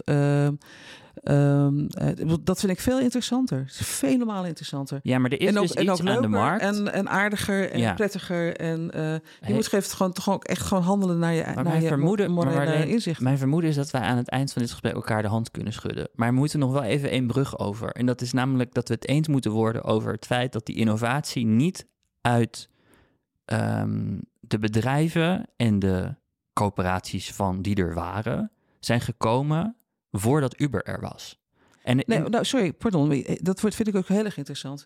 Twitter Mhm. komt niet uit, uit de bedrijven voort. Het komt uit de sociale beweging voort. Dat is de, dus de status update, dat komt voort uit eh, eh, bijvoorbeeld grote, de, de bewegingen te- tegen de, in Seattle tegen de World Trade eh, Office, volgens mij, WTO. Omdat mensen elkaar op de hoogte moesten stellen waar ze waren met een lage ba- bandbreedte. Mhm. Dus, de, dus eh, in die media, die beweging, dat Mhm. waren de, de, de- dezelfde beweging waar wij ook onderdeel van waren. Dus de, dat, dat idee van status update gebruiken om mensen te laten vertellen waar je zit en hoe je dat eh, eh, is, is, is, komt eigenlijk voort uit die protestbewegingen. Ja, Daarna is het, in een, in, een, in, een, in, is het in, een, in een bedrijf terechtgekomen omdat ze eh, de podcast op dat moment niet goed Vanaf konden. van de hashtag tot de ad-mention is alles verzonnen door individuen in plaats van Nou, Twitter. En die hebben dat geïncorporeerd. Ja, dus, dus, dus er zit dus een heel groot deel van wat, je, wat wij nu hebben van de inventies. We, we hebben het over, soms over innovaties en inventies. En dat is, wordt heel vaak door elkaar gebruikt. Innovaties is iets wat er al is in praktijk brengen. Mhm. Dat is, dat is natuurlijk op het moment dat je veel kapitaal achter je hebt, kan je iets wat er al is in praktijk brengen. Mhm. En dat is, ja, uiteraard. Dat is, dat, dat kan, je kan niet anders dan constateren dat het grote kapitaal ervoor gezorgd heeft dat inventies die er zijn, eh, eh, goed, eh, goed terecht zijn gekomen vanuit hun perspectief, maar ook vanuit gebruikersgemak. Mhm. Dus heel veel komt terug op Maar het heel veel financiële inventies- probleem. Maar heel veel inventies komen helemaal niet uit het domein. De, de- heel veel van de. Er is ongelooflijk weinig innovatie op dit moment in dat hele domein. Dus ActivityPub, wat, wat dan het protocol is voor gedistribueerde sociale media. Mhm. Ehm, dat komt niet uit hun. Dat komt niet voort uit, eh, uit de wereld van, van, eh, van Facebook, Meta, Instagram, eh, TikTok of iets dergelijks. Want interesseert zo. Dat willen ze ook helemaal niet. Nee, maar ik vind Het komt Uber... voort uit weer opnieuw sociale beweging. Ja, maar ik vind Uber wat dat betreft een mooi voorbeeld. Want wat zou het fantastisch zijn als een app zoals die van Uber... die je dus nog nooit gebruikt hebt... maar ik kan je van harte aanbevelen om te kijken hoe Nee, die ik, werkt. ik, ik heb vrienden die het wel Oh gebruiken. ja, je kijkt af en toe bij een vriend. Af en toe zit ik. eh, Met afkeurende geluiden maken zeg ik ondertussen. ik stap niet in. maar wat zou het mooi zijn als zo'n app eh, van de, bijvoorbeeld de gemeente zou zijn. En dat de gemeente zegt, nou hier is de app, we hebben hem, eh, wij, wij financieren deze app. En hierdoor kunnen taxichauffeurs kunnen zelf zich aanmelden. We hebben de distributie als het ware voor ze geregeld. Want een taxichauffeur is geen programmeur, dat is oké. Dat is ook niet haar of hoeft zijn werk. Niet eens, hoeft niet eens de over, kijk, als de overheid hoeft het niet zelf te gaan doen. Het is niet of de markt of de overheid. Je hebt ook nog eens iets als het maatschappelijk initiatief. Dus, dus ook goed. Ja, Maar in ieder geval, er is een of andere blob die heeft een app gemaakt. Die is van het publieke domein. Hoe dat dan ook zo Ja, precies. gekomen Dus- is. Die is ontstaan als een soort Pokémon. Nou, een die... coöperatieve of vereniging of stichting of wat dan ook. Een entiteit die dat kan, eh, kon- kan continueren. En toch is de lat een stuk hoger gelegd dan dat die lag. Want, en dit is het ding waar wij het blijkbaar niet over eens zijn. Het was echt kut. Twintig jaar geleden was het echt heel slecht. Taxis. Taxis kunnen Je krijgen. hoeft voor Marleen niet terug in de tijd. Hè? Zo- Zoals jij nu taxis oproept, is hoe het 20 jaar geleden was, toch? Ja, nou, ze hebben inmiddels een app. En het is inmiddels ook weer naar een Maar ze zijn net dat ze nog steeds het nummer... Nee, maar is- Ja. het, het, het, ik wil eerlijk gezegd, dat hele idee om ehm, mensen. in- wil- Voordat Uber er was, hebben wij uitgebreid dat soort. Dacht ik van, we moeten ons verhouden tot die taxiwereld. Want, Ja. dat, want, want eh, gaat niet goed. Mhm. We hebben er toen een paar ideeën voor ontwikkeld en dat, dat kregen we niet gefinancierd. Dus inderdaad, ben, ik, ik zeg niet dat de. eh, dat, kijk, ik ben niet voor niks eh, geïnteresseerd in coöperatieven voor taxichauffeurs. Want de TCA was geen coöperatieve structuur. TCS, de taxicentrale van Amsterdam. Ja, en, en het was, je moest er voor twee ton of zo je inkopen, eh, of soms meer. Het was gewoon- en, en, het, en, en de, de hele structuur van het TCA was, niet, was ook niet helemaal, Hyperkapitalistisch en niet helemaal fout. fris ook, zeg Ja, maar, in ja. wat het eh, was. Dus, Ja. Maar eh, helaas is dus eh, dat wat niet fris was, door weer iets anders wat niet fris is. Ja. ge- ge- ge- ge- Maar alle wegen die en mijn irritatie zit er natuurlijk in dat ik gewoon lief, dat ik absoluut de kan. Ik ben, ik ben, ben toch niet tegen technologie of zo. Ik, bedoel, ik ben toch niet tegen apps. Nee. Dus ik ben voor apps die kunnen helpen. eh, en voor mijn part, eh, eh, het gaat er niet eens over dat er hele andere functionaliteit in moet. Ik denk dat rating een, een probleem is. Ja. Ik denk dat je daar van af moet. Ik denk dat van een aantal van dat soort nudging en dark patterns die ook in die app van Uber zit, dat je die niet moet hebben, omdat het verkeerd gedrag in de, in, in- inspeelt. Maar goed, dan nog. Dus ik denk dat je hem anders zou moeten ontwerpen. Maar ja, natuurlijk zie je enorme voordelen in. Van. Maar jullie vinden het rondjes om de financiering. Want dat, dat is wat je het zegt. Stopt bij de. Je, je kan dit soort dingen allemaal doen. Het is in Austin, Texas blijkbaar gelukt. Maar het stopt hier op basis van de financiering. En waarom het zo groot. Die, je zegt eigenlijk, die ideeën voor Uber hadden wij ook al bedacht. Componenten daarvan. Als het gefinancierd hadden kunnen krijgen, dan was het ons ook gelukt. Ik zeg je niet, ik wil nee, kijk, Uber heeft gewoon een heel ander soort eh, dimensie natuurlijk, want daar zit heel ander kapitaal achter. Ja, maar wa- Dus welk dat- dat kapitaal drukt gewoon- hebben om wel deze, dit publieke, de, deze publieke services eh, naar een breder publiek te krijgen? Dus dat je dat hoger Nou, wat- niveau wat- van wat ik aan zit productontwikkeling te krijgt. denken is, kijk, als je kijkt naar, ehm, eh, als je kijkt wat de overheid aan zichzelf uitgeeft, als het over digitalisering gaat. Dat is gi- gigantisch in de afgelopen 30 jaar. Dus als, als wat, wat, nog niet eens wat ze allemaal aan, aan via i- de innovatiesubsidies aan het bedrijfsleven heeft gegeven. Of wat ze via spaghetti-code van grote Of consultancy. wat ze via, via de wetenschapsfinanciering, wat, hè, dat, wat dat dan vervolgens in- ook weer patenten en dergelijke worden, die dan weer door, door bedrijfsleven worden. Dat, dat, dat is een gigantische geldstroom. Laten we het daar even niet over hebben. Laten we het hebben over de miljarden die de overheid aan zichzelf besteedt. Mhm. Ehm, als je alleen maar een fractie daarvan, 10%, nou misschien 15, 20%, in publieke fondsen zou stoppen, die zorgen voor het financieren van commons eh, eh, applicaties in het, in, het, in het maatschappelijke domein, dan waren we op een heel andere plek geweest. Dus het gaat me nog niet eens om dat het. Ik denk dat, dat wat de overheid aan, zich, aan, zich- aan zichzelf investeert. Maar er is natuurlijk iets aan kapitalisme wat mensen zoals die baas van Uber, die allemaal foute dingen ook gedaan heeft, eh, heeft bewogen om zo'n bedrijf op te starten en innovaties te verzinnen. Dat ja, maar sorry, dit heeft niks met Die innovaties te maken. dingetjes verzinnen, waardoor het ding uiteindelijk een stuk gebruiksvriendelijker is geworden voor een consument. En ik snap dat hier heel veel nadelen aan vastzitten. Maar is het niet inherent aan juist kapitalisme dat dit soort mensen die gedreven zijn en die graag veel geld willen verdienen, dat die dit soort dingen gaan maken? Hoort dat niet bij kapitalisme? Ja, Of kan dit- Maar, maar kapitalisme, je hebt, het, je hebt het ook nog over macropolitiek. Ik welke partijen verschaffen kapitaal eh, aan, aan bedrijven als Uber? Mhm. Dus het is heel duidelijk, in mijn ogen, hoeft, hoeft, hoeft er helemaal geen conspiraties over te, te hebben, is dat als je, als je voelt dat je je machtspositie op olie en gas afneemt, dat je dan probeert jouw eigen positie op een andere Nee, manier ik, maar te ik heb- versterken. Ik, dus, ik dus probeer ja, naar een droomwereld toe maar te ook nog gaan. eens een keer ma macropolitieke Zeker. machtsvraagstukken. Maar ik probeer naar een droomwereld toe te gaan waarin die mensen die, die nu die mooie Uber-app maken, en Uber is een metafoor voor alle andere apps, hè, dus het gaat mij echt niet om de taximarkt, ehm, waarin die mensen gaan werken voor de commons. En al die slimme, in- slimme dingetjes, want ik ga dat woord innovatie te gebruiken, die ze, ver- die ze verzinnen of herhalen, ehm, maken voor het publieke goed. Denk je echt dat dat, dat, dat kan? Want ik ben daar, ik, ik, ik ben daar wat cynischer over. Ik Ja, denk dat dat dit soort mensen niet gemotiveerd genoeg zijn om bij iets te gaan werken wat het publiek belang dient. En dit is misschien mijn cynisme. En misschien omdat jij het van dichtbij hebt gezien eh, in, de, in, de, in de jaren negentig dat het wel degelijk kan, ben jij veel optimistischer hierover. Maar ik zie het maar niet gebeuren, al mijn hele leven lang. Ja, ik, ik zie het dus juist wel gebeuren. Ik bedoel, als, als je kijkt naar Nextcloud, Niemand gebruikt Nextcloud. Ja. Niemand. nou ja, dat, dat ben ik niet met je eens. Ja, maar het is natuurlijk niets in vergelijking met Google Docs. Wat vind je van WordPress? Hij draait eh, vi- eh, eh, 40% van het web op. Dat is eh, gedeeltelijk open source. Ja. Dus als je het zelf host, je kan het zelf hosten, zelf helemaal inzien. En het is gedeeltelijk is het onderdeel van een commercieel bedrijf, Automatic, ook Austin, Texas trouwens. eh, wat dan een, een gehoste versie heeft voor, voor particulieren die niet zelf een site willen opzetten. Maar dat bedrijf draagt ook altijd bij aan de organisatie die WordPress, de open source variant, in leven houdt. Zo'n hybride model, is dat iets wat zou kunnen werken? Dat is meestal de manier waarop open source heel goed ook eh, onderdeel van marktactiviteit kan zijn.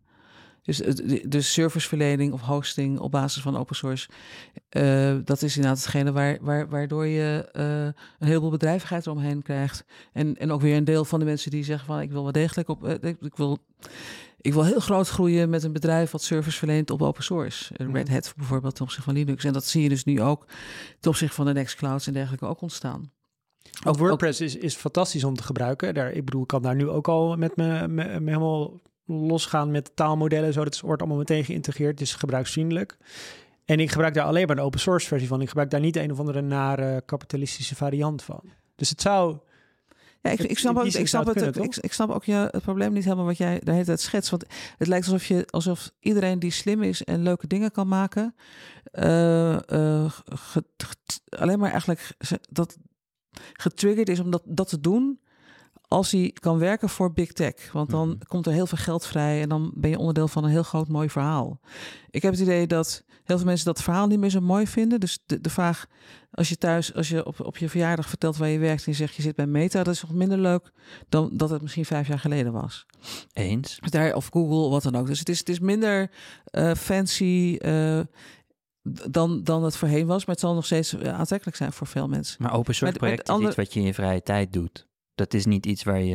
Ja, maar ik snap gewoon, sorry, dat- ik wil, dat- er is ongelooflijk veel bedrijvigheid rondom open source. Mhm. Dit is, het is gewoon een valide eh ja, ja, nee, maar- activiteit. Maar gewoon dus in- je, je, hebt, je hebt een heel, heel vraag 100 raar beeld. IT-studenten waar ze willen werken. En die gaan niet... Nou, ik spreek best vaak IT-studenten. Ik, ik, ik geef op, de Hogeschool van Amsterdam ben ik, ben, heb, ik, heb ik een minor opgezet. Of eh, we, zij eigenlijk, maar we hebben eraan bijgedragen rondom eh, eh, de public stack of Ja. het, het repareren van het internet. We hebben een online course opgezet daar rondom. Ik merk juist mensen dat, of je nou uit al die verschillende bewegingen, of ze nou vanuit legal of vanuit economisch of vanuit IT of vanuit design komen, het is wel degelijk ongelooflijk aantrekkelijk om daar aan bij, aan bij Ja, te jij dragen. zegt het is een kentering. Die is recent. Want anders hadden we het allemaal al gemerkt in, in de apps die we gebruiken iedere dag. Nou, wanneer zijn we begonnen überhaupt privacy by design eh, eh, te vragen? Mhm. Dus we- wel, je, je refereert net, we hebben 25, 30 jaar lang op, op zijn beloop gelaten. Ja, En we zijn nog maar net nou, een paar jaar bezig om te in te zien dat we dat niet meer kunnen doen. ja, En, en die regels van, van het spel zijn ook nog maar net aan het verschuiven. Digital Service Act, Digital Market Act is nog niet eens echt, echt in werking of nauwelijks in werking gesteld. Dus de, de effecten daarvan kan je ook nauwelijks zien. Dus als je. Dus ik zie nu ook dat bedrijven die. We, hebben een groot project hier in de gemeente Amsterdam, of de regio eigenlijk, rondom da- het Data Commons, de Data Commons Alliance. Dan zijn bedrijven als Philips en Ahold die zich daar ook melden. Het, niet, het is niet per se alleen maar waag met, eh, met, met, met die hele beweging van open source of, of, of, publieke code. Er zijn ook bedrijven die, die zien dat ze dat spel van big tech, Amerikaanse big tech, niet kunnen spelen. Zijn uitgespeeld. We hebben net de datakluis. Dat is weliswaar. Er zit, daar zit plotseling in een, in een, in een, in, bij elkaar de NPO, eh, de Waag eh, eh, en RTL en, en die andere. Dus de hele merkwaardige coalitie. Waarom? Omdat zij weten dat de- dezelfde manier om met data om te gaan, die, die door de Amerikaanse partijen wordt gedaan, dat, dat ze daarmee hun hele positie zijn kwijtgeraakt. Als je dan kijkt van er komt nieuwe wetgeving, dan moet je, kan je daarop anticiperen. Dan kan je zeggen, oké, mensen moeten wel degelijk regie op hun eigen data houden. Dan kan je dus, dan heb je weer een voorsprong. mhm. Dus het, het grappige is ook dat op dit moment die wetgeving ook weer een nieuwe markt opent voor partijen die er wel ook Maar zou het dan zo moeten werken? Want kijk, ik geloof fundamenteel niet meer, en dat is dan misschien mijn cynisme, maar ik geloof niet dat bijvoorbeeld advertenties, nog zo'n goorterrein, net zoals de taximarkt, maar ik bedoel het puur als metafoor voor anderen, de manier waarop je advertenties kocht was 15 jaar geleden een accountmanager bellen bij een krant. En dan, eh, als je geluk had, werd de telefoon opgenomen en eh, rigide ouderwetse meuk. Dat is door Google mede veranderd in handige dashboardjes en programmatic ads en allerlei dingen die voor adverteerders handig zijn. Nog helemaal afgezien van wat je van advertenties het, vindt. grappige is, het grappige is dat, je, dat jouw redenering, ik herken hem nu steeds. Ja, Je gaat eerst iets roepen, ik, ik kan nog herinneren van het telefoonboek. Dan ga, je heel, dan ga je iets heel belachelijk maken. De manier waarop we dat hebben gedaan, dat was echt zo verschrikkelijk. ja, Wie doet dat nou? Weet Ja. je? Dus, en dan, dus je maakt eerst iets wat we, zoals we het deden, maak je heel belachelijk. ja, want het Taxi, is namelijk achterhaald. Advertenties maken. Ja. Ja, de maar manier hoe maar- dat gaat. Ja, maar, ja. maar teg- tegelijkertijd vind ik het ook eh, eh, heel. eh, Vind ik het. Je, ik vind het een valse. Even, even scherpen. valse manier om je argu- argument scherp te krijgen. Omdat eh, die praktijken hebben, hebben, waren valide heel lang. Omdat er op dat moment ook geen alternatieven waren. Een transitie van het een naar het ander duurt altijd lang. Mhm. En er zit, en altijd heb je archaïsche stukken nog. Dus, de, dus dat is gewoon zoals het is. Dus ja, we, we- zo deden we het. Maar het kan nu ook anders. Dus Mhm. we, we, vroeger gingen we met een wasbordje de was doen. Gelukkig hebben we nu een wasmachine. ja. Dus ja, de, Maar de vraag is, hoe ontstaat nee, wat, nieuw? wat, nee, wat, waar, waar het me om gaat is dat je dan het nieuwe zeg je, nou dat is makkelijk en lekker en fijn. Ja, En zo aantrekkelijk en fijn. ja, En denk ik, ja, ben ik het met je eens. Lekker en fijn en ma- makkelijk en handig.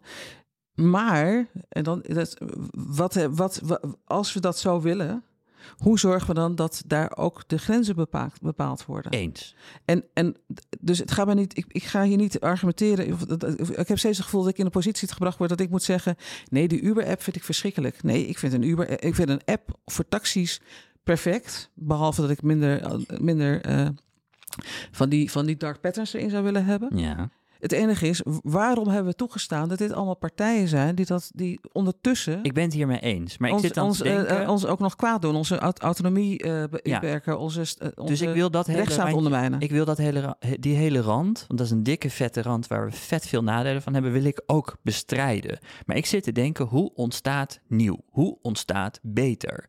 En dat is met die, bijvoorbeeld in de advertentiemarkt, is dat omdat er een aantal techbedrijven zijn gekomen die weliswaar een walgelijke sector, maar toch beter hebben gemaakt, innovatiever hebben gemaakt, makkelijker hebben gemaakt, gebruiksvriendelijker hebben gemaakt.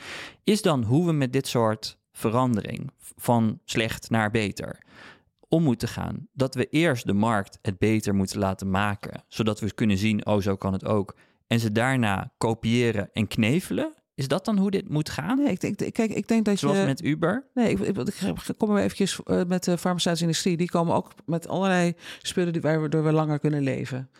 Bes- eh, dingen tegen kanker, weet ik wel. al- Allemaal dingen die we graag willen. Mhm. Maar voordat het op de markt komt, wordt er wel eerst gekeken wat met trials en met allerlei andere se- settings. Eh, of het veilig genoeg is. Dus is, is een, er gaat een heel stuk aan vooraf. Ja. Zodat je de checks en balances, maatschappelijke checks en balances die je nodig hebt, die van de rechtsstaat, die van de integriteit van het lichaam bijvoorbeeld. Of ik zou in het kader van digitale, zou ik de inte- integriteit van personhood, van de persoon. Maar goed, dat is een ander. Als je, zorgt, als je zorgt dat je dat in, pl- eh, gewoon in het proces op zijn plek hebt staan. Wat nu gebeurt, is dat het gewoon rukzichtloos de wereld ingepompt wordt. En we dan nog da- daarna moeten roepen: nee, nee, nee, niet Ja. zo. Nee, nee, nee, liever anders. Ja. Daar gaat het me om. Ja. Dus je kan, op het moment dat je zegt: dit zijn grondrechten die, die je niet mag o- overtreden, dit zijn vragen. Dan vorm je de markt. Dan nog steeds kunnen mensen fantastische dingen maken. Maar Ik mijn vermoeden is wel dat, die- jij als Uber, als jij morgen eh, de, de baas van ons land zou kunnen zijn, die zou rukzichtloos allerlei regels kunnen toepassen, dat je morgen Uber zou verbieden.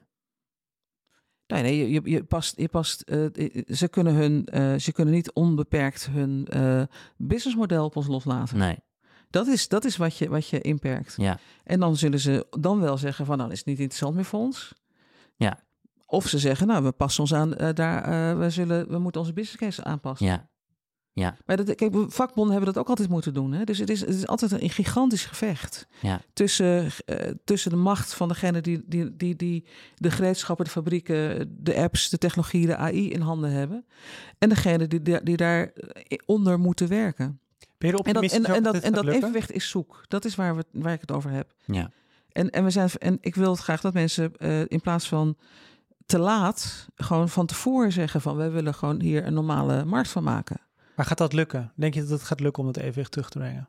Nou, ik denk dat in, in sommige gevallen is het eigenlijk de enige manier om überhaupt nog het, het, het strategische autonomie terug te krijgen. Dat is het begrip waar wat natuurlijk veel nu gebruikt wordt. Dus niet meer privacy.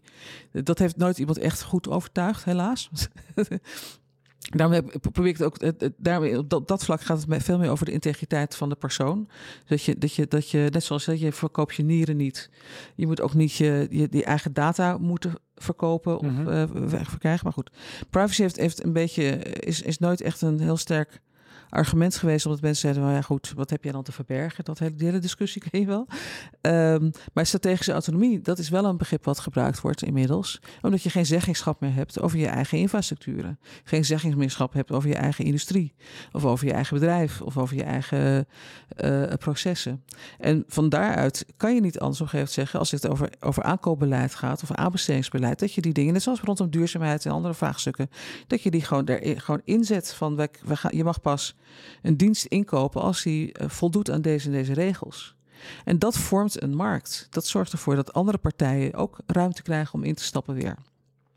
En dat is het gesprek wat we nu ook binnen bijvoorbeeld bij, bij, eh, bij Surfnet. eh, we hebben een aantal grote, krachtige eh, structuren, zoals Surfnet, die voor de verzamelde universiteiten en, en opleidingen eh, kan, en zeker omdat die wens er ook langzamerhand ook echt is, zorgen dat die data van die studenten niet, niet verdwijnt in de, verkeer, de verkeerde kant op. Eh, en of, of nou, neem, neem dat, je hebt kleine kinderen volgens mij. Eh, ik weet niet of die school ook gebruik maakt van. Google Classrooms. ook, maar ik bedoel, bedoel die software waarmee je. ehm, nou ja, ik ben- nu al gelukkig met. Parnassus. Nee, dat is software waar je dan kan zien wat de, wat de klassen zijn en wanneer. eh, Oh ja. Daar betalen we volgens mij, daar betalen we 25 miljoen voor. Ja, ja. Terwijl voor, voor 2 miljoen heb je dat nagebouwd. Want het is echt te simpel voor woorden. Het is echt, het is, het is echt gewoon een simpel database eigenlijk wat eronder hangt. Ja, En dan gebruik je nog 2 of 3 miljoen per jaar om leuke mensen mooie apps eh, te, te laten maken erop. En te customizen. En dan ben je klaar. Dan ben je, dan ben je voor, in plaats van 25 miljoen per jaar kwijt te zijn voor zo'n soort eh, applicatie die Mhm. scholen gebruiken, kan Mhm. je voor, eh, ben je voor 3, 4 miljoen klaar. Dat is een argument waar heel veel mensen vatbaar voor zijn. Dat het Ja, ik wou- minder het geld wordt, op de Ja. eh, terwijl het echt net zo fancy kan zijn. Want zelfs in dit geval zou je zelfs nog veel mooier kunnen maken. Maar er zit geen incentive voor, voor het bedrijf die dat nu eh, runt. Want die krijgen die 25 miljoen. Licentiekosten wel. nee, en we eisen het ook niet van onze overheid dat ze dit zelf gaan maken. Of gaan financieren zodat Ja, het open source of, eh, wordt. Nou, er is dus een, wel een, een groot programma gaande voor open source eh, voor, eh, voor, voor, voor scholen. Er is ook een hele beweging vanuit scholen om daar eh, aan. Maar nog steeds, dit, daar, is- daar, dat, ook dat is pas weer twee, drie jaar in, uh, pas uh, is er een kentering gekomen. Mhm. Want daarvoor was het uh, adagium voor alle schoolbesturen en iedereen van nee, laat Microsoft het maar doen of laat die het maar doen, want het is goedkoper. Mhm. En die vraag van ja, maar ben je dan je, je, je strategische autonomie kwijt? Die was helemaal niet meegenomen. Maar als je dat nu wel meeneemt, dan zeg je ja, gewoon, ik weet dat Suranas heeft gewoon jaren al onderhandeld met Microsoft om een bepaald soort dingen uh, uit die software te halen. Maar die gesprekken zijn volgens mij met Google nou langs begonnen. Dus sommige dingen kunnen ook helemaal niet meer. En op het moment dat die, dat die publieke sector in ieder geval gewoon op zijn strepen gaat staan en zeggen we willen dat de applicaties die wij gebruiken in onze publieke contexten, dat die uh, veilig zijn en privacy by design en al die vraagstukken die erbij horen. Dat is een begin. Veel Daar je campagne waar jij En daar zit wel- Alexander. Daar zit wel degelijk kracht. En ook, en ook wel, we zeggen, daar zit ook eh, koopkracht. Want dat is natuurlijk de vraag ook steeds van, zit er voldoende kapitaal omheen ja. om een Mhm. goede, een goede markt te kunnen organiseren? Mhm, Dan is de, de, de diensten van de overheid natuurlijk heel interessant, snap ik. Maar je moet echt ook simpele dingen als dat mensen dan al die, al die mensen die dachten dat het heel goed zou zijn om een, een Facebook pixel in hun website te hangen of een TikTok pixel. Het, het- echt om die er weer allemaal uit te slopen. Dat is echt, dat is zoveel. Dus bij mensen zijn ook zo ver meegegaan in dat verhaal voordat je die allemaal er weer uit hebt ge, ge- gehaald. 25 jaar, toch? Ja, ik wil zo graag dat het korter duurt. ik heb wel, nou, kijk, waarom ik toch, ja, ik, het is ook, ik kies er ook voor om op optimistisch te zijn, want anders is er ook geen lol aan. Dus ik zie bewegingen die ik daarvoor niet heb gezien. Mhm. Ik zie partijen bij elkaar komen die ik daarvoor niet heb, bij elkaar heb zien komen. Ik zie wetgeving ontstaan waarvan we nog maar nauwelijks hebben kunnen zien wat de effecten daarvan zijn. Dus ik, ik denk dat de komende tijd eh, een groot verschil gaat maken. Maar dat is, eh, ik, ik ben het voor zover, ik ben het met jou eens dat dat verschil dan wel zo gemaakt moet worden dat die even, zeg maar, even toegankelijk of knapper of mooier of lekker of, of verleidelijk is als datgene wat we gewend zijn van de, van de big tech bedrijven. Nou, daar is toch die hand die jij beloofd had. Oh, maar ik wist van tevoren al dat dit ging dat het eens zouden Vind worden. ik helemaal niet leuk. Dankjewel. Dankjewel hiervoor, Marleen. Nou, kun je even Ja. lekker weer backvechten, dan eh, is Het is Alexander ook wel weer leuk om dat gewoon eens een keer te doen. En Zeker. anders dan eh, gebeurt er niks. Ja, ik, zag- ik kwam nog een leuke sneer tegen van jou naar richting Alexander. Oh ja, wat was het? Ja, in een interview waar je zei, ja, we doen altijd zo, zo stom over technologie. Dan zit er een 19-jarige jongen bij de Wereld Draait Door en die zegt, dit is fantastisch. En dan zegt de presentator, dit is heel erg eng. Toen dacht ik, nou, Ja, zo jong is hij dan ook weer niet hoor. Oh nee, niet. Nee, maar dat is wel, dat, dat, dat, dat vond ik echt zo zonde. Dus wat het vooral om gaat, is die, die de handjes in de lucht van, de, van Matthijs van Nieuwkerk in dit geval. Maar dat is meer, als symbolisch voor, ik snap het niet hoor. Ik vind, want jij, bent, jij, jij snapt het allemaal. Je bent zo slim. Vertel nog eens, vertel nog eens. En dan was het altijd ook van eh, ja, jonge mensen die heel slim heel veel geld gaan verdienen. Dat dat was het frame Ja, altijd. precies. Dat Het was altijd het kapitalistisch frame. frame. Het was een kapitalistisch frame. Ook altijd van, dit is zo dom. Die telefoonboek is zo dom. Maar hier zijn hele slimme jongens en die gaan het eh, voor ons oplossen. En dan, de, de- en dan, en dan heet het, maar ik snap het ook niet. Ik snap het. Ik weet niet, ik vond, ik vond dat een soort scenario wat elke keer maar weer voor, elke keer maar weer opnieuw. Wat gaat er dan kapot in die, wat met, met zo'n... Nou, ik vind één dat, een, dat, een, dat, een, eh, dat het gewoon raar is dat eh, heel lang eh, mensen die in posities zitten om mensen te kunnen ondervragen, journalisten, maar ook politiek, helemaal zeiden van, nou, ik weet, ik snap het niet hoor. Dat, dat, Ben dat- ik die koket. houding, dat is koket, maar ook echt ook heel raar, want dat doe je niet ten opzichte van literatuur. Mhm. Dus je, het- het- je bent, eh, ongeletterdheid, dat is heel gênant. Mhm. Maar ongecijferdheid, daar kan je juist heel erg mee koketteren. Mhm. Dus ik vind het koketteer geweest. En dat, vind ik, dat vond ik problematisch. Want ja, verdiep je er gewoon in. En zo ingewikkeld is het niet. En het, ehm, en het tweede is dat frame van... eh, ik ben oud en zij zijn jong. Vind ik ook zo van... Hè, die jonge mensen snappen het wel. Mijn neefje van 12 kan het. Mhm. En, eh, nou, en dan... Nou, nou, nou, nou. Wat, dus, dus dat idee van... eh, dat, dat innovatie altijd uit, uit jong komt. Het is een soort nihilisme, want je... je, je En dan, en dan nog dat van. En, dan, en we gaan allemaal heel veel geld maken. Dus ik vond die drie dingen bij elkaar vind ik echt een. eh, vind, ik, vind ik toxic. Ja, dan zo verandert gelukkig. ja. Dank. Dankjewel.